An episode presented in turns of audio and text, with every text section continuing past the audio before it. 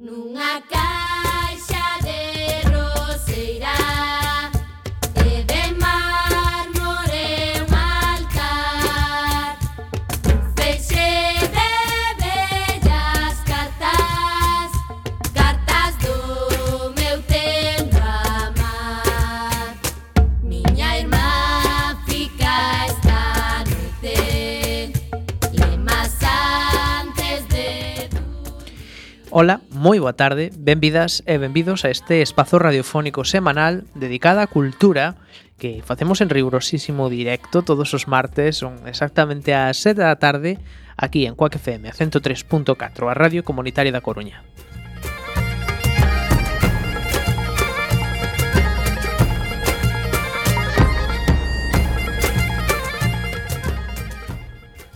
A Agrupación Cultural de Sander Bóveda presenta este programa eh, que podes escoitar en directo a través de internet eh, e na página emisora cuacfm.org barra directo e tamén na aplicación móvil.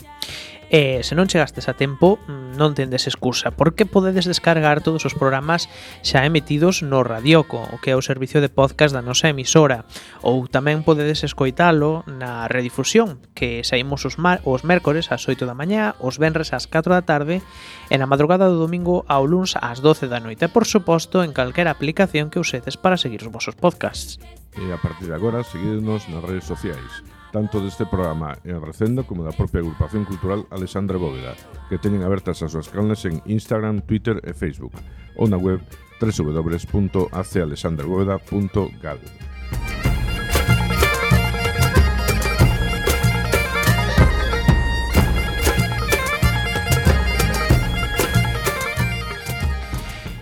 Pois o 16 de maio, véspera das letras galegas, así que un día máis especial non podía ser, imos xa caraló con este programa de recendo na procura doutra fantástica aventura cultural. Hoxe estamos aquí, Roberto Catoira, no control técnico, e eh, tamén falando coa Almanteira, Roberto Catoira. E eh, Miguel Anxo Facaldo. sempre estar co meu amado sempre estar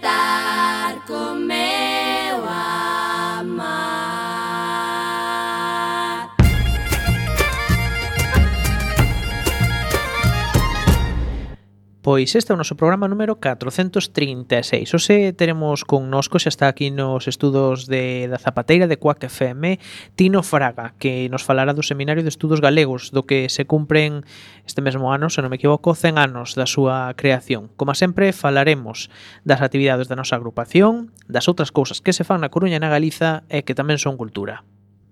En canto á música de hoxe, un dos compositores máis insignes da música clásica galega e que ademais formou parte do Seminario de Estudos Galegos foi o lucense Xesús Val Egay. Escoitaremos algunha peza da súa produción.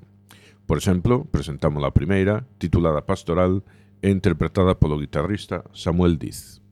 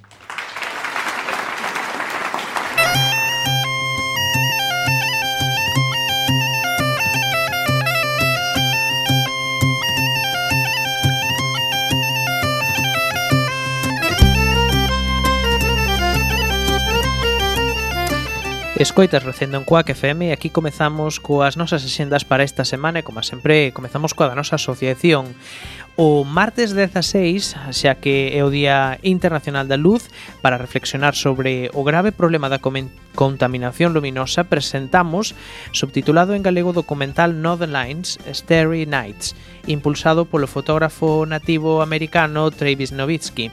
Esta actividade é realizada en colaboración coa Asociación Astronómica IO, que organiza o cuarto encontro da noite o sábado 20 de maio. A proxección do documental será a sete media no noso local.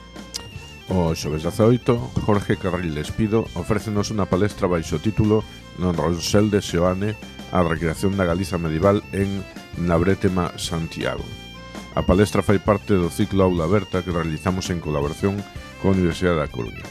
Nela, Jorge Carril centrarase no medievalismo de Seoane, concretamente a súa recreación no seu segundo libro de poemas en galego, que se titulaba, como xa dixemos, eh, Nabrétema, Santiago será o xoves ás sete e media no noso local. E outro documental, porque o Benres 19 proxectaremos o documental O Valo de Porto, un documental de 20 minutos que conta a construcción dun muro en Pontedeume con presos políticos entre o 38 e o 42.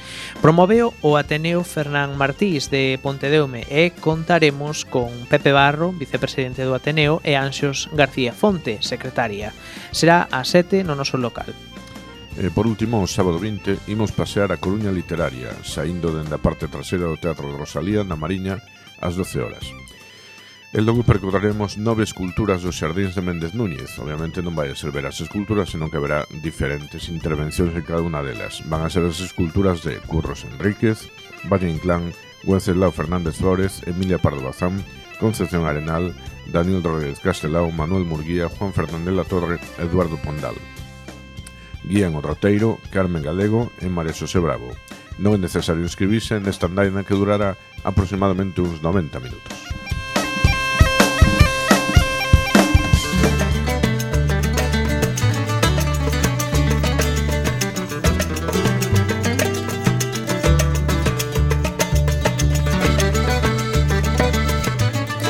Centrámonos agora na xenda da cidade, comezamos polo eido visual, do, no que queremos destacar eh, un pouco a actividade do CEGAI, porque o xoves 18 e o venres 19 a diferentes horas poderedes ver o corpo aberto de Ángeles Huerta, coa que xa falamos en Recendo hai moi pouco, podedes buscar aí o podcast, e María Casares, a muller que viviu mil vidas, de Xavier Villaverde. A oferta das salas do Cinema Foro Metropolitano é totalmente diferente por unha banda, a película polaca Cold War, ambientada na Guerra Fría, e que conta a apaixonada historia de amor entre dúas persoas totalmente incompatibles.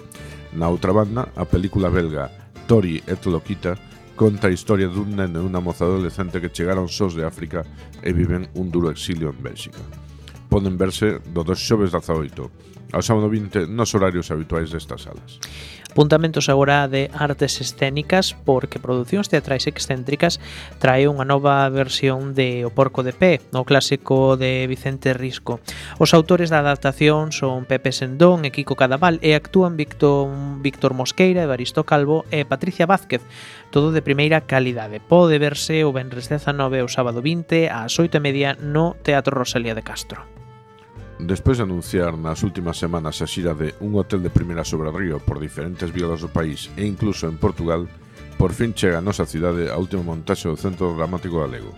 A autora foi Xoana Torres, da obra original, e a dramaturxia desta versión é de Gonzalo Guerreiro e María Torres. A única cita é o domingo 21 ás 9 ás 8 e media da noite e no Teatro Rosalía. E rematamos cunha recomendación para público infantil. A compañía coruñesa Caramusio presenta a obra 4, un espectáculo de danza para a primeira infancia. Bailana o domingo 21 no Teatro do Andamio con sesións ás 12:30 e ás 6. Pasamos agora á senda musical, que é moi densa e aínda tivemos que quitar cousas, eh, que senón estábamos aquí tres días falando. No ciclo Selección Sonora teremos a presenza do grupo Temples, unha das grandes bandas da psicodelia pop da actualidade, formada en 2012. Acaban de sacar o cuarto disco titulado Exótico. Actúan hoxe martes ás oito e media no Ágora. E, eh, remate, e prosegue tamén eh, o ciclo Maio Jazz no Teatro Colón. O sábado 20 toca o Cuarteto Federal, un máis dos múltiples proxectos do contrabaixista Xacome Xacobe Martínez Antelo e o domingo 21 o batería galego afincado en Portugal Antón Quintela presenta o seu novo proxecto chamado Nemólito. Os dous concertos son ás 8. E volve o músico lucense Abrán Cupeiro a nosa cidade, nesta ocasión no Agora Son da Primavera 2023. Eu tive a sorte de velo hai seis meses e recomendo vos vivamente este concerto. Xunto coa Orquestra de Cámara Atlántica, presentarános o seu traballo Os Sons Esquecidos, onde poderemos ver moitos instrumentos curiosos como o fenomenal Carnix, a trompeta de guerra. Actúan o vendres 19, as, eh, actúa o vendres 19 ás 9 da noite no Ágora. Eh, na semana en que se conmemora o Día das Letras Galegas, o grupo Canto daqui invita a Pedro Xoia e a Iria Estevez, dos recoñecidos nomes do panorama musical portugués e galego, a un concerto homenaxe a Rosalía de Castro e Seca Afonso, será o vendres 19 ás 20 horas no Teatro Colón con entrada de balde. E rematamos con outros tres eventos relacionados coa cultura e o Día das Letras Galegas. O xoves 18 ás 8 no Teatro Colón, concerto das Letras Galegas da Banda Municipal de Música, todo con obras galegas, o coro de Cantigas da Terra e como gaiteiro solista José Manuel López Josele. O xoves 18 ás 8 e 15, ás 8 e cuarto, no Ágora, Ferrados de Letras, festival organizado pola Asociación de Veciños da Viagra con actuacións dos grupos Parabense Fiandola e dos colectivos de baile Canto e Club de Lectura de Poesía Galega da Asociación Veciñal. O sábado 20, ás 4 e ás 6 no Ágora, Festival Solidario de Primavera Xacarandaina con recadación de cartos a prol da Fundación Josep Carreras de loita contra a leucemia.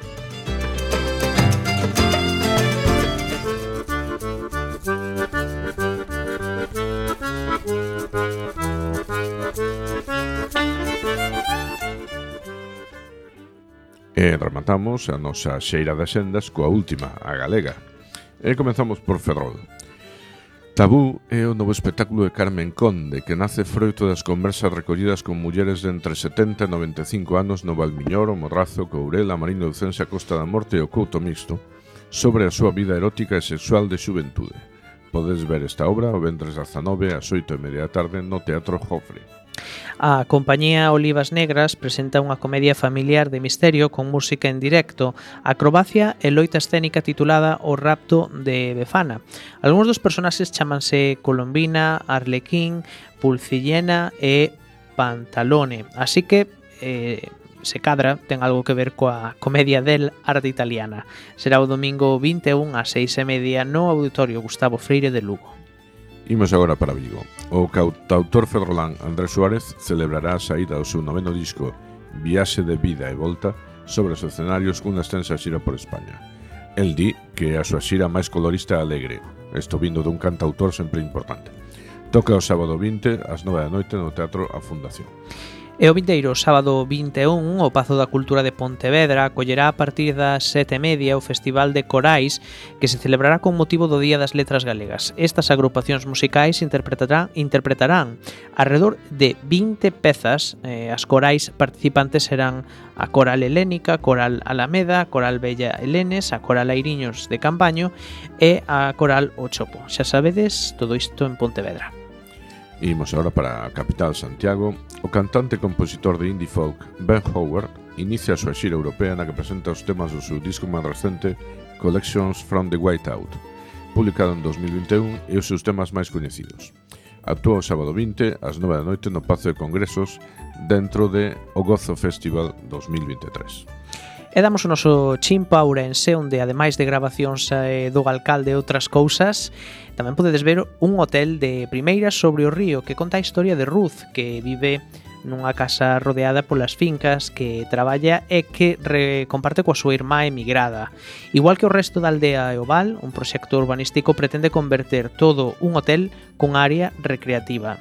O Centro Dramático Galego segue de xira e hoxe martes 16 ás 8 estará no Teatro Principal de Ourense. E rematamos coa nosa vila convidada habitual, que neste caso é Vilar de Santos. Moito nos gusta convidar a vilas pequenas con pouca actividade cultural, eh, pero hai que salientar o que está facendo o local a Arca de Noé, na comarca da Limia, concretamente en Vilar de Santos, que está dando moita, moita vida. Este domingo 21, a 7 da tarde, hai concerto de David Salvado, Cibrán e Seixo.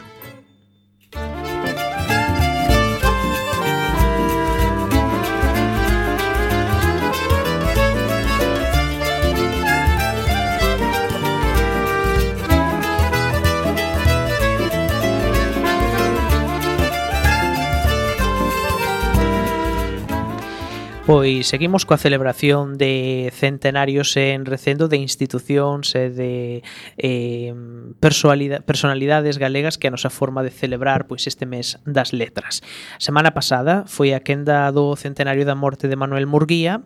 Eh, no caso de Murguía chegábamos un chisco tarde, pero no que nos atinxeose, a verdade é que nos chegamos con bastante antelación que lle imos facer, nós somos así. O programa de hoxe está dedicado ao Seminario de Estudos Galegos que é o vindeiro mes de outubro eh, cumpriránse do que este mes de outubro cumpriránse 100 anos da súa fundación. Creado no ano 1923 en Ames, o Seminario de Estudos Galegos foi fundado por nove estudantes da Universidade de Santiago de Compostela, entre os que se encontraba Fermín Bouza Brei, Xosé Filgueira Valverde ou Xosé Magariños Negreira.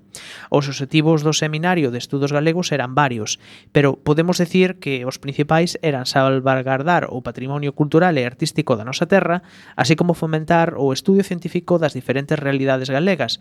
Do mesmo xeito tamén fomentar o emprego do galego demostrando así a súa valía como lingua para a ciencia. Vencellado a Universidade de Santiago, o Seminario de Estudos Galegos conseguiu aglutinar a novos intelectuais xunto con nomes provenientes das Irmandades da Fala e da xeración Nós. O seu traballo estaba organizado en torno a comisións dedicadas a un aspecto do concreto do saber científico. Moitos dos seus traballos de investigación apareceron na súa publicación anual chamada Arquivos, anda que outros apareceron en diversas publicacións como a revista Nos. No seu momento de maior esplendor, o Seminario de Estudos Galegos contaba con 200 socios activos e máis de 400 socios protectores. A súa andaina chegaría ata o ano 1936. Nese intro, o seu labor tivo que ser detido por mor da Guerra Civil e máis non no 78 foi refundado. Os seus arquivos foron traspasado, traspasados perdón, ao Instituto Padre Sarmiento no ano 44, polo que o seu patrimonio e traballo non esmoreceu. Para contarnos máis sobre o Seminario de Estudos Galegos, contamos hoxe coa presenza do científico, escritor e divulgador Tino Fraga. Moi boa tarde, Tino. Hola, boa tarde, Roberto. Unha vez máis, aquí estás para falarnos de misterios científicos que, que Galicia segue empeñada en non lembrar demasiado. Aquí estamos un poquinho para ilustrar a nosa audiencia. Muy para comezar, eh, cal foi a principal motivación para comezar o Seminario de Estudos Galegos? Pois unha ausencia, é dicir, eh, a única universidade que existía naquel momento no país, a Universidade de Santiago, pois eh, non estaba atenta ao que era o estudo de Galicia como unha realidade. Entón, como dixechedes antes na presentación, un grupo de nove mofos estudantes eh, reuníronse sobre o lugar e as circunstancias mismo hai confusión, pero en todo caso en outubro do ano 23 se reuniron e co apoio de algún profesor de, da área de Filosofía e Letras constituíron o Seminario de Estudos Galegos o pensaron nel como un centro de estudo e divulgación centrado no país. Esa era a clave. E mm, inicialmente estaba moi relacionado, moi conectado ca propia universidade, eh, máis ben mismo co, co ca, ca Facultade de Filosofía e Letras, ali de feito foi onde tuvo o seu primeiro local, Pero axiña a, a institución se foi espallando por Galicia, foi incorporando xente diversa, eh, de distintas zonas e tamén de diferentes perfis. Eh... Falando dos perfis, cales eran os perfis deses primeiros membros do seminario Tino? Bueno, como digo, inicialmente eran nove estudantes universitarios, por lo tanto estaban comenzando a súa vida intelectual, eh, falache desde algúns, eh, eu tamén quería lembrar, por exemplo, Lois Tobío, ou, por exemplo, Ramón Martínez, non? O Fliguera Valverde, Estes tres tiven a honra de coñecelos, aínda cando xa eran algo maiores, e mm, aínda estaban comenzando a súa vida intelectual. Logo, cada un tivo un, un percorrido notable, importante. O que os unía era eh, o amor a Galicia e a, a constatación de que era preciso mm, iniciar un camiño, o sea, poñer a Galicia como referencia, como obxectivo de estudo. Eso eles coidaban que non se facía naquel momento e quixeron finca, facer fincapé neso. Era un, un proxecto ambicioso. De feito, o propio nome de seminario eh, indica a intención. Eh, a intención era, mm, a medio plazo, formar investigadores É dicir, crear xente que poidera eh, pescudar nos distintos ámbitos do coñecemento alrededor de Galicia. E ese objetivo, bueno, nalgúna medida sacadou, noutra non, porque o seminario tuvo, tivo unha vida curta e ademais pois azarosa con diversos con diversas circunstancias. Pensade que, por exemplo, no ano 31, 36, pois ven a Segunda República, hubo moitísima actividade política, cultural, eh, despois integrantes do seminario que en principio estaban moi comprometidos pois por razóns profesionais, pois eh, tiveron ocupacións, outros se foron ao exterior a formarse con bolsas, algúns eh, estableceron un compromiso político moi intenso, Pensemos no caso de Castelao e outros moitos. Entón, claro, todo eso fixo que a dedicación inicial, pois, en algúns casos non se pudera manter. Uh -huh eh, xa non sei se ches claro unhas cantas veces que tiña moita vinculación con a Universidade de Santiago, sí. moita dependencia en certa medida, aínda que precisamente naceu por unha eiva da universidade que podía ter sido a Universidade de Murcia porque a súa preocupación por Galicia era mínima. E cal era a presencia do galego no ámbito universitario? Mm, pois mínimo, é dicir, prácticamente inexistente. E, bueno, e, e os Seminarios Estudos Galegos está recoñecido como a principal institución que recolle no tema do idioma o a chamada das Irmandades da Fala. Pero tamén os seminarios de galegos non, non foi monolingüe, é dicir, hai moitas intervencións que foron realizadas en español, en castelán, no seu momento, si ben podemos pensar que se encamiñaba cara a un certo monolingüismo, había un proxecto moi bonito que xa foi formulado nos anos 30 a proposta de Filgueira, que era dos manuais eh, duns manuais. Eran 11 sobre distintos ámbitos de coñecimento e tiña un carácter divulgativo. Non se chegou a publicar ningún. Un deles, o sobre astronomía, de eh, Ramón María Ayer, estaba xa a punto de, de sair do prelo, pero non puido sair porque chegou o golpe de Estado. Aparecería eh, de maneira bueno, iba a dicir pa, para, paradoxal, pero realmente en consonancia co que pasou eh, nos anos 40, pero xa en, en español, non? Entón había un camiño encetado importante nese momento.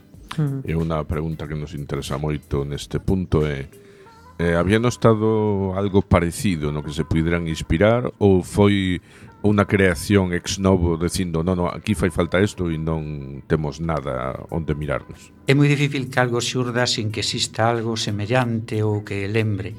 No caso de, do Estado hai unha referencia a anos anteriores que o Instituto de Estudios Cataláns que é unha referencia importante. Pero eu creo que a parte desa, desa referencia o que hai é nos anos 20 un cambio moi notable no ámbito universitario español Hoxe falamos de universidade como algo que combina educación e investigación. Ata os anos en que se creou o seminario, a universidade basicamente se dedicaba a docencia, a investigación era moi escasa. Eh, eh, neses anos é onde se producen cambios moi notables na Universidade Española, tamén a formación no estranxeiro colle moito pulo, hai modificacións xerais da sociedade, eh, chega a autonomía universitaria, entón digamos que no ambiente hai unha atención maior cara ao que é o elemento formativo e investigador alrededor. Uh -huh.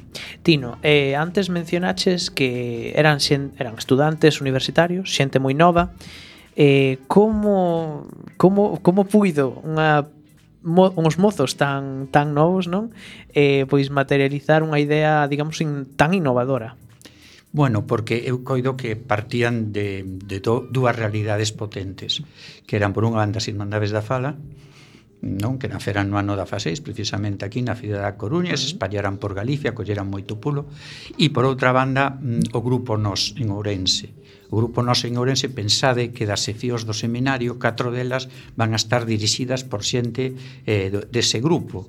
Eh, falo do Tero Pedrario eh, falo de Castelao eh, Cuevillas e Vicente Risco.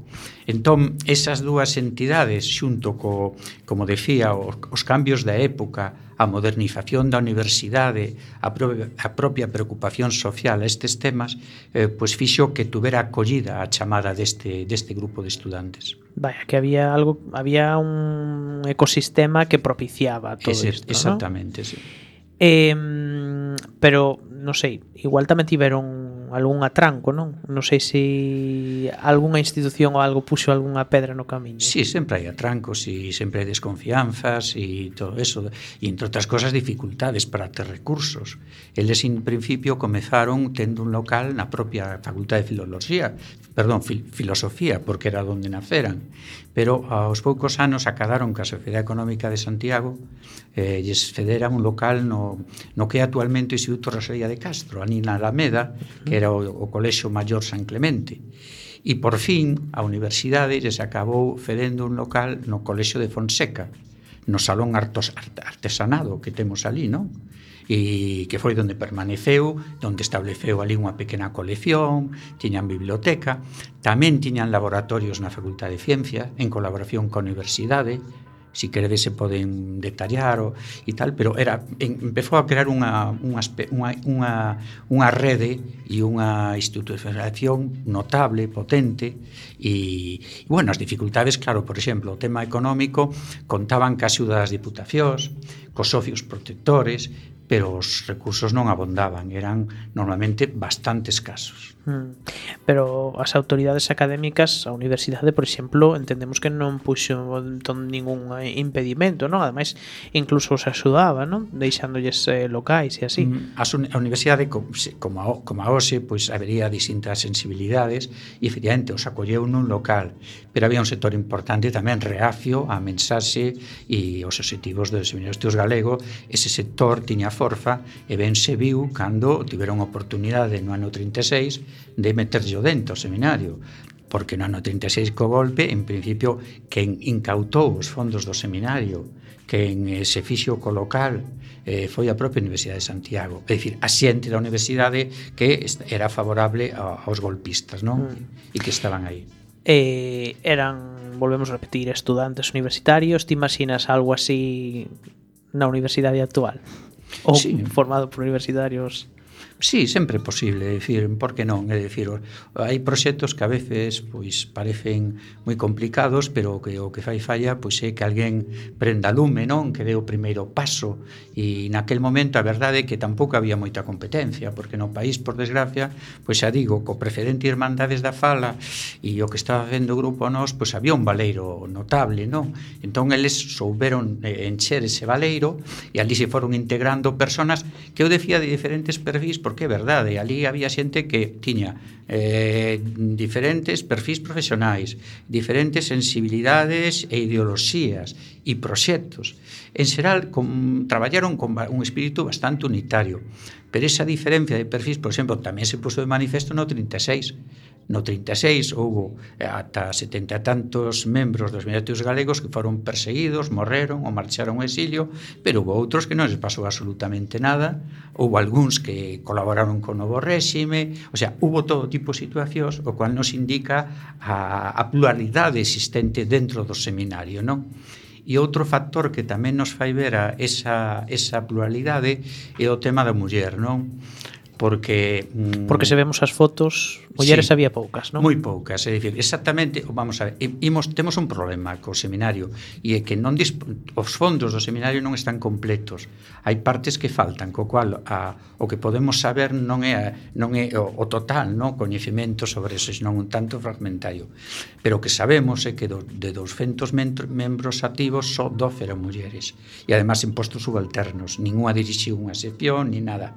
E ese número era especialmente escaso xa naqueles tempos, por exemplo, na, na propia Universidade Española, nas facultades de Ciencias, a presencia de mulleres que non era alta, obviamente, pero rondaba o 10%, e no seminario o 5% coido que aí se manifestaba que había sectores dentro do seminario mm, dun pensamento bastante conservador e tradicional, efectivamente. E, bueno, pois pues, é obvio que xente como Vicente Risco e como outros, pois pues, tiñan unha visión de, da sociedade e do mundo pois pues, que non era precisamente de carácter progresista. Mm eh, salvando distancias, a min estudo no Seminario de Estudos Galegos na Universidade de Santiago, lembrame un pouco ao nacemento de Quack FM na Universidade de Coruña. E ao decir, eh, e ao decir eu, eh? Así, loitando, loitando contra Seguro. vicerrectores que non querían a nosa asistencia. A nos tamén nos deixan os locais. Efectivamente. e tamén nos intentaron pechar. E tamén, tamén. Eh, hai, hai, paralelismos. Nos de momento que a universidade levámonos ben. Sí, de momento. Eh, Tino, mm, durante os primeiros tempos, cales eran as principais preocupacións académicas no seminario? Quero decir, a min só me ter lido que chegou a ter como unas 12 seccións temáticas, así me parece tal, eh, centraros en algunas, desplegaron todas en paralelo ou empezaron algunhas nas que eran máis fortes, como... Bueno, eso foi, foi tendo cambios. Eu coido que ao final deberon de ter como 14 seccións, pero hai algunha delas que nun momento determinado pois desaparece, cambia de nome, se subdivide. Por exemplo, no ámbito que eu máis coñezo, que é o de ciencias, no momento inicial hai unha sección de ciencias dirixida por Luis Iglesias, catedrático de Historia Natural na Universidade de Santiago. Pero esa mesma sección, despois, en dá lugar, de alguma maneira, a, a sección de Fisioloxía, dirixida por un catedrático de, da Universidade de Santiago, eh, e tamén as, a sección de, de Xeoquímica, que vai levar Isidro Parga Pondal, non? Logo, eu que sei, por exemplo, a sección de xurídica cambia o nome a ciencias sociais. Hai modificacións, pero sustancialmente cubren os diferentes ámbitos do coñecemento alrededor de Galicia. Eh, dicías antes que a Universidade de Santiago, supoño que as outras es pasaría algo parecido, eh, se dedicaban moito a docencia e moi pouco a investigación. Eh, En toda España sucedía así máis ou menos o mesmo e o seminario axudou a subir o nivel da investigación en Galicia? Sí, imos ver, nós lle chamamos universidade e decimos que unha universidade ten 4 ou 5 séculos e iso é certo e é mentira. E dicir, digo que é mentira, bom, é certo porque é obvio que ten continuidade, pero é mentira porque o que se facía nunha universidade, poñamos a de Santiago, pero calqueira de, do, do Estado español, mas era outro tipo de actividade. Primeiro era pura docencia e durante séculos estaban controlados pola Igrexa, o reitor era, era un coengo e basicamente defendían a ortodoxia e o dogma do coñecemento en todos os ámbitos. O gran cambio que ten lugar na universidade a mitad do século XIX co liberalismo, en España co plan Pidal e plan Moyano, aí empezan variar as, a variar as cousas, pero sigue dándose docencia. As teses de doutoramento eran 20 ou 30 ou 10 follas sobre un tema que se, redacta, se redactara. Non tiña ningún tipo de, de labor investigador tivo que ser nos anos 20 e estamos falando pois do ano mismo en que se en que se creou o seminario cando o perfil investigador empeza a terse en conta na carreira profesional dun, dun profesor universitario, non? É dicir que, que estamos falando eso e eso acontecía en toda España, non só na de Santiago, sino en, no conxunto español. E polo tanto, a universidade do último século é mm, bastante diferente a preferente, aínda que o nome continuara, non? E o seminario foi capaz de poñernos ao día con respecto a Europa? Ou... O seminario, imos ver, xogou un papel moi importante porque efectivamente puxo a Galicia como referencia e eses 200 socios activos recolleron a moito do millor que había en Galicia naquel momento nas diferentes áreas. E, e antes falabades na presentación acabaron publicar unha revista, arquivos, donde aínda hoxe podemos ver aí as contribucións, hubo, houbo mm, moitos discursos de ingreso, eh, despois mm, estableceron o que chamaban as xeiras que eran eh, eh, eh movimentos onde acudían varios integrantes do seminario. Empezaron polas terras do Defa pola zona de, Dal, de Lalín no ano 1928 entón acudían ali e facían algo moi importante que era un traballo interdisciplinar de varios deles. E ali no, as cando fixeron as do DEF que se publicaron as de e as de Melide, Terras de Melide, pois eh, adoitaban eh, rematar a xornada no Observatorio Astronómico de Lalín, que aínda hoxe se preserva, e ali pois os, o acollía Ramón María Ayer, que ingresaría no seminario e que tamén tería unha contribución moi importante. Entón, como digo, sí que transformaron cousas que pasa que de alguna maneira era un traballo que se estaba encetando. Eso xunto ca maior sensibilidade da Universidade Galega cara ao que era o país, pois eh, marcaba un cambio importante que evidentemente pois o fascismo eh, impediu que avanzara. Mm. Pois estamos en Recendo, na sintonía de Coac FM, falando con Tino Fraga, porque queremos saber máis sobre o Seminario de Estudos Galegos agora que se vai celebrar o seu centenario e mencionaches antes Tino que eran uns 200 socios, uns 200 membros, 12 dos cales eran somente mulleres. Um, pero eh, como eh, cal, que, que maneira tiñan de sumar máis socios?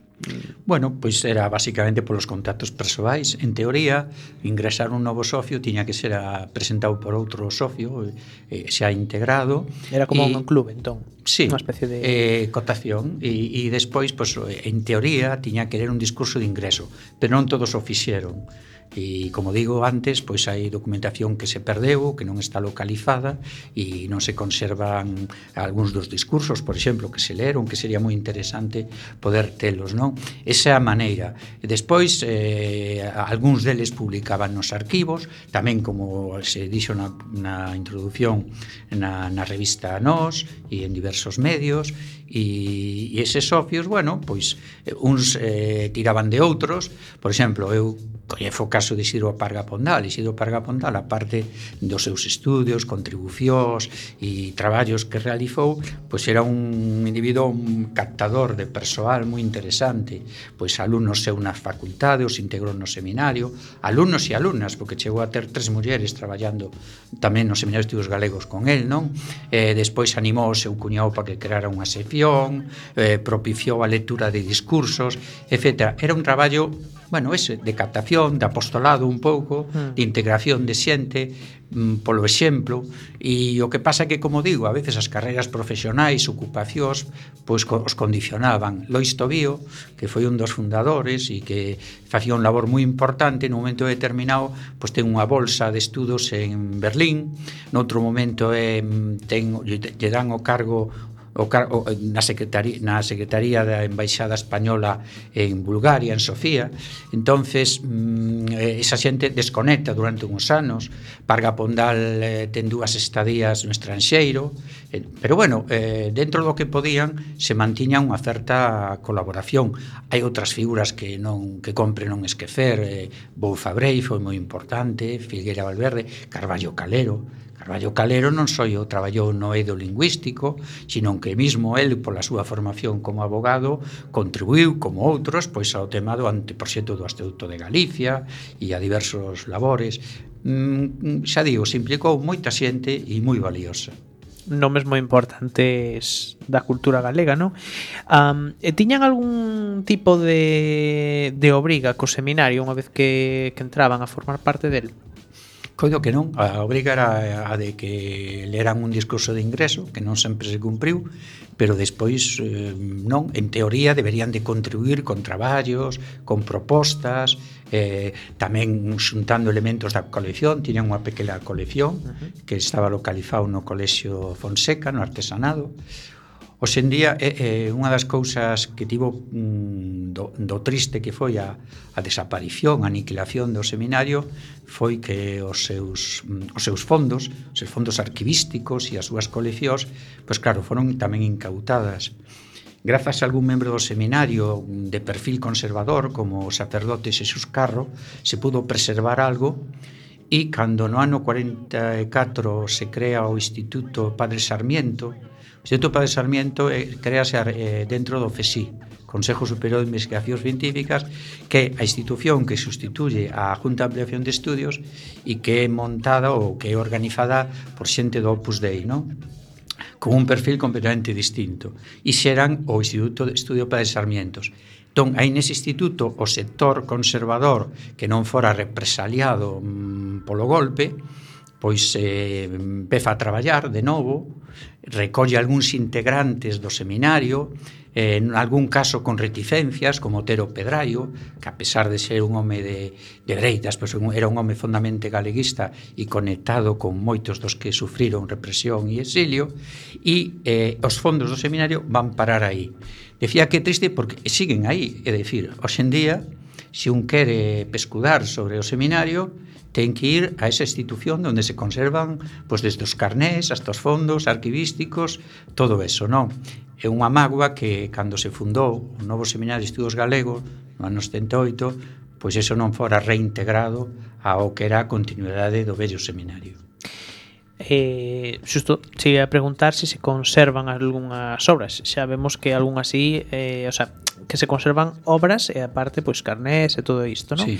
Eh, non sei se hai así algunha obra que consideras eh, importante e acabas de mencionar que se poden visitar pero que hai que facer para para consultar esas obras Bueno, é un centro, é, o, é un instituto do FESI, entón, pois, eh, ali o acceso, en principio, é público, pero, claro, eh, hai que, como a calquera centro de, de arquivos, non, ou, ou biblioteca especializada, pois hai que presentarse, solicitalo, e tes acceso a, a eses fondos para poder traballalos.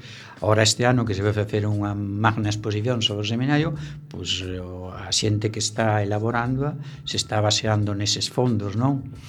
pero, como dicía antes, eu creo que é unha, unha lagoa importante, unha tarefa pendiente, que eses fondos se recuperaran, porque que non seguiran, mellor que se preserven, evidentemente, pero que se, que se recuperaran, e houve unha oportunidade boa con novos seminarios teos galegos, houve xestións importantes de xente como Isa Díaz Pardo, pero por, por diversas razóns, pois non foi posible e mencionaste antes que moitas das obras foron incautadas, non?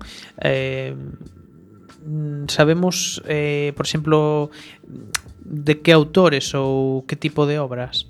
Sí, vamos a ver, todos os fondos do seminario foron incautados. É dicir, a propia universidade, o reitor, eh, Ruiz del Castillo, no ano 40, manda que todo eso se xa recollido eh, e apartado e permanece preservado en gran medida gracias, como Vaya, decía... Que non foi destruído nin foi... No, non foi destruído. E iso que logo se fai cargo del o Instituto Padre Sarmiento no ano 44. Non é o completo, porque hai parte que se perdeu, pero é un fondo moi relevante, moi importante. Eh, se non temos mal entendido, o seminario tamén contaba cunha rede de informantes. Eh, como se artellou esta rede e cal era o perfil habitual deste tipo de colaboradores? Bueno, colaboradores informais que ao longo de toda Galicia conectados cos seus membros activos pois facilitaban pois desde información que tiña que ver con, con referencias arqueolóxicas, con datos sobre sobre o país, sobre a paisaxe, sobre sobre eh, eh, literatura, esa información variada. Eh, como existe en calquera organización, sempre hai conectada conectada con ela un grupo de personas que sin integrarse pois axudan e forman parte un pouco do do grupo de apoio non a esa a esa institución. Uh -huh eh, xa mencionaches antes un dos, eh, non sei se podemos chamarlle produtos ou actividades máis alentables e que máis eh, máis e mellor memoria deixaron que foron as xeiras esas sí. eh, investigacións eh, multidisciplinares sobre comarcas e tal eh, como elixían as comarcas que ian que ian investigar? pois elexían en función de que as como sempre pasa que as persoas eh, interesadas no tema, pois aquelas que lles parecía que que sobre as que tiñan maior coñecemento ou donde tiñan establecido contactos para poder realizar os estudos. Eh, xa digo, as primeiras foron Deza e Melide, porque tamén eran zonas próximas a, a Santiago de Compostela que repito que aínda que o seminario se espallou por toda Galicia, o peso de Compostela sempre foi moi notable, non? Entón, pois, eh, claro, é moi importante subliñar ese aspecto multidisciplinar, non?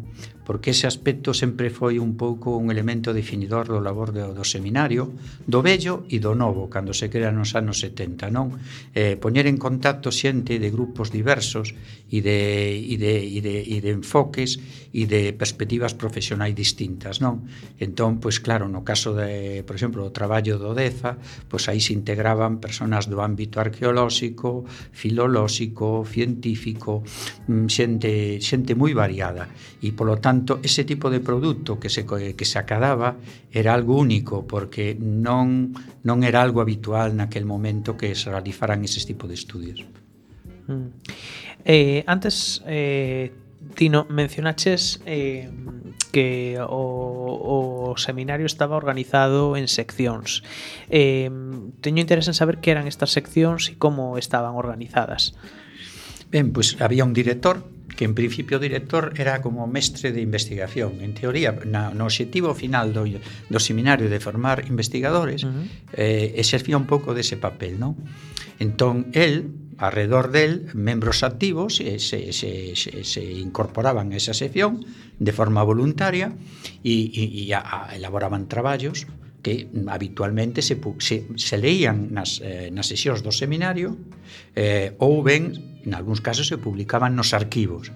Eh, eh, afortunadamente, bastantes delas se publicaron e por eso as temos hoxe na revista, en arquivos. Outras as perdimos porque foron intervencións orais.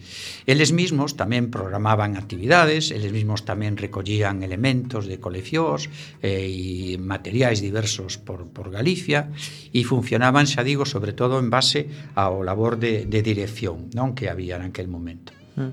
O sea que as seccións eran como un pouco as eh, digamos eh, as distribución local ou en que sentido áreas temáticas as áreas pues, temáticas Pues, por exemplo unha sección tiña que ver con arqueoloxía outra tiña que ver con filoloxía outra con xeografía outra tiña que ver con ciencias outra tiña que ver con ciencias sociais iban eh, collendo. eh, todas elas formadas por xente multidisciplinar, de que sí, viña de distintos ámbitos, non? Sí, pero bueno, nas efiosas agrupaban un pouco xente de perfil mm, semellante.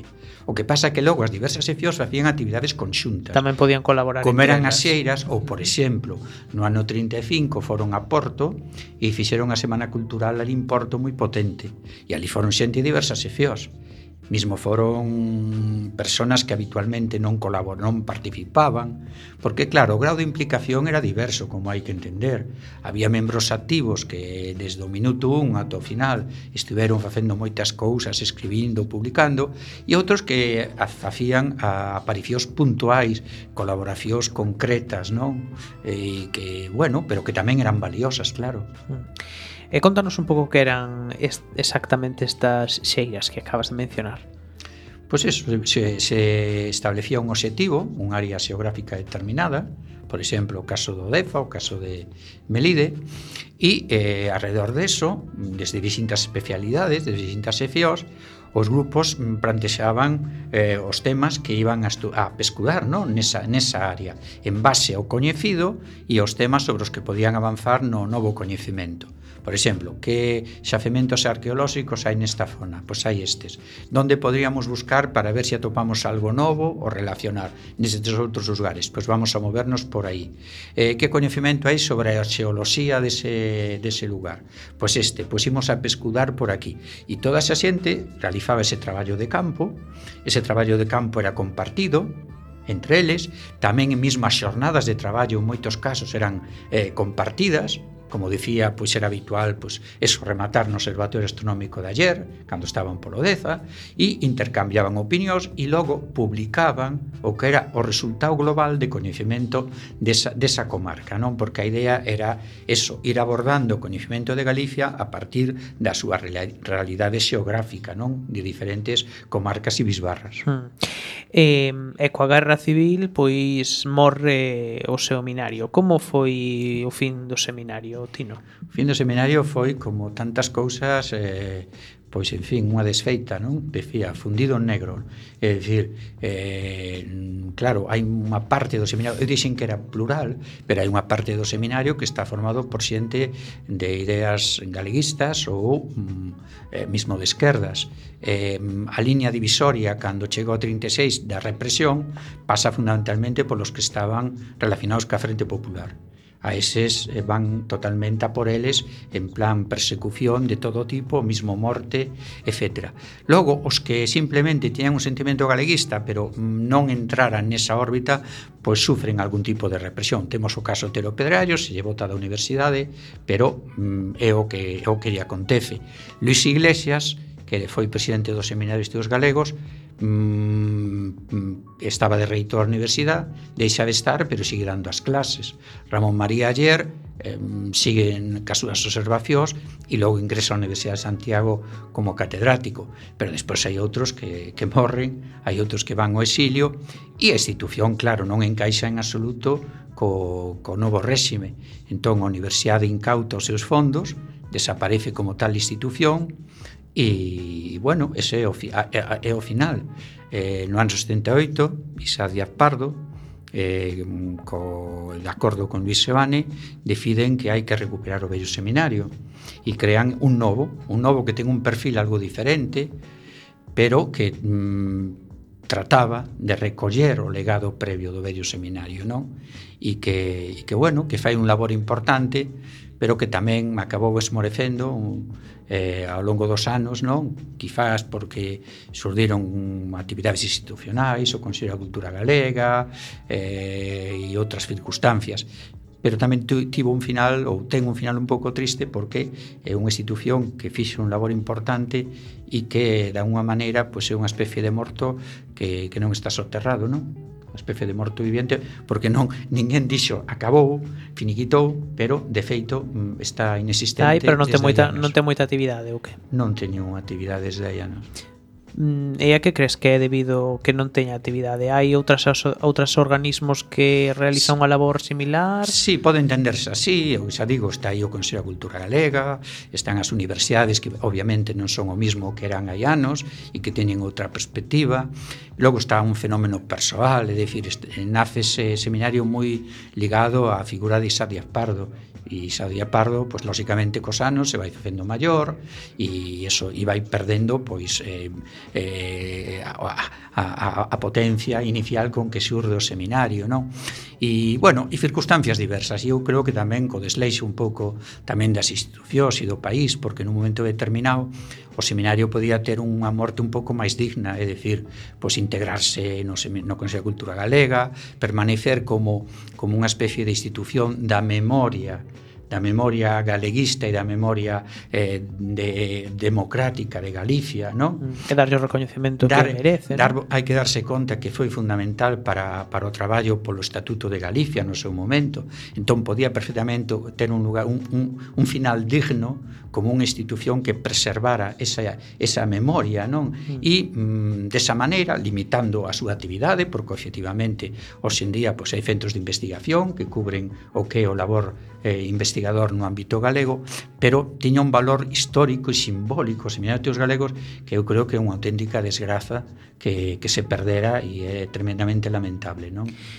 Bueno, quedemos que a idea que aínda non é tarde, aínda poden facer algo, non o demos por perdido, pero xa mencionaste algunhas cousas, pero que máis cousas destacarías ti desta segunda etapa do, do seminario?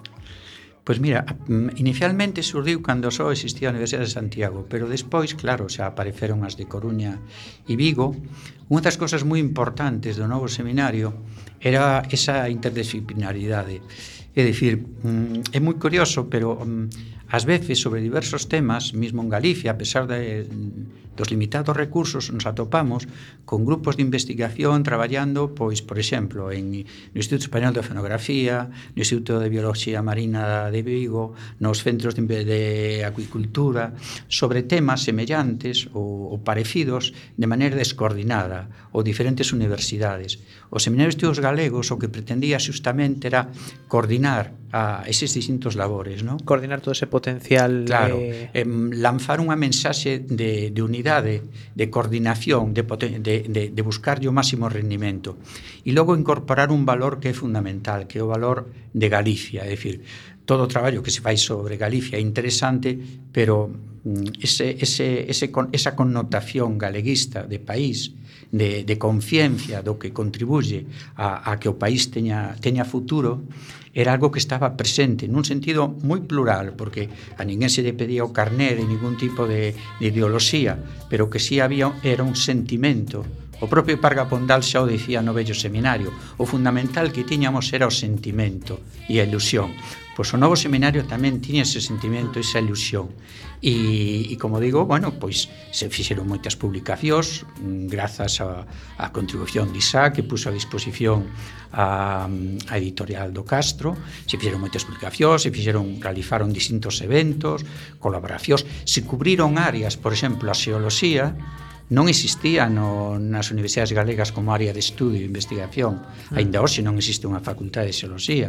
Bueno, pois no seminario hubo un área de xeoloxía moi importante. Ah. A historia das ciencias non existía, hubo unha área tamén moi importante. Creo que imos ter que quedar outro día para falar deste segundo desta segunda etapa do seminario Tino porque tristemente se nos acaba porque o tempo. Hai que destacar que desta segunda etapa eh, para min destaca moito eh, unha publicación feita por Tino Fraga que foi un dicionario diccionario en dous volumes de científicos galegos que é unha auténtica delicia que recomendamos a todo o mundo.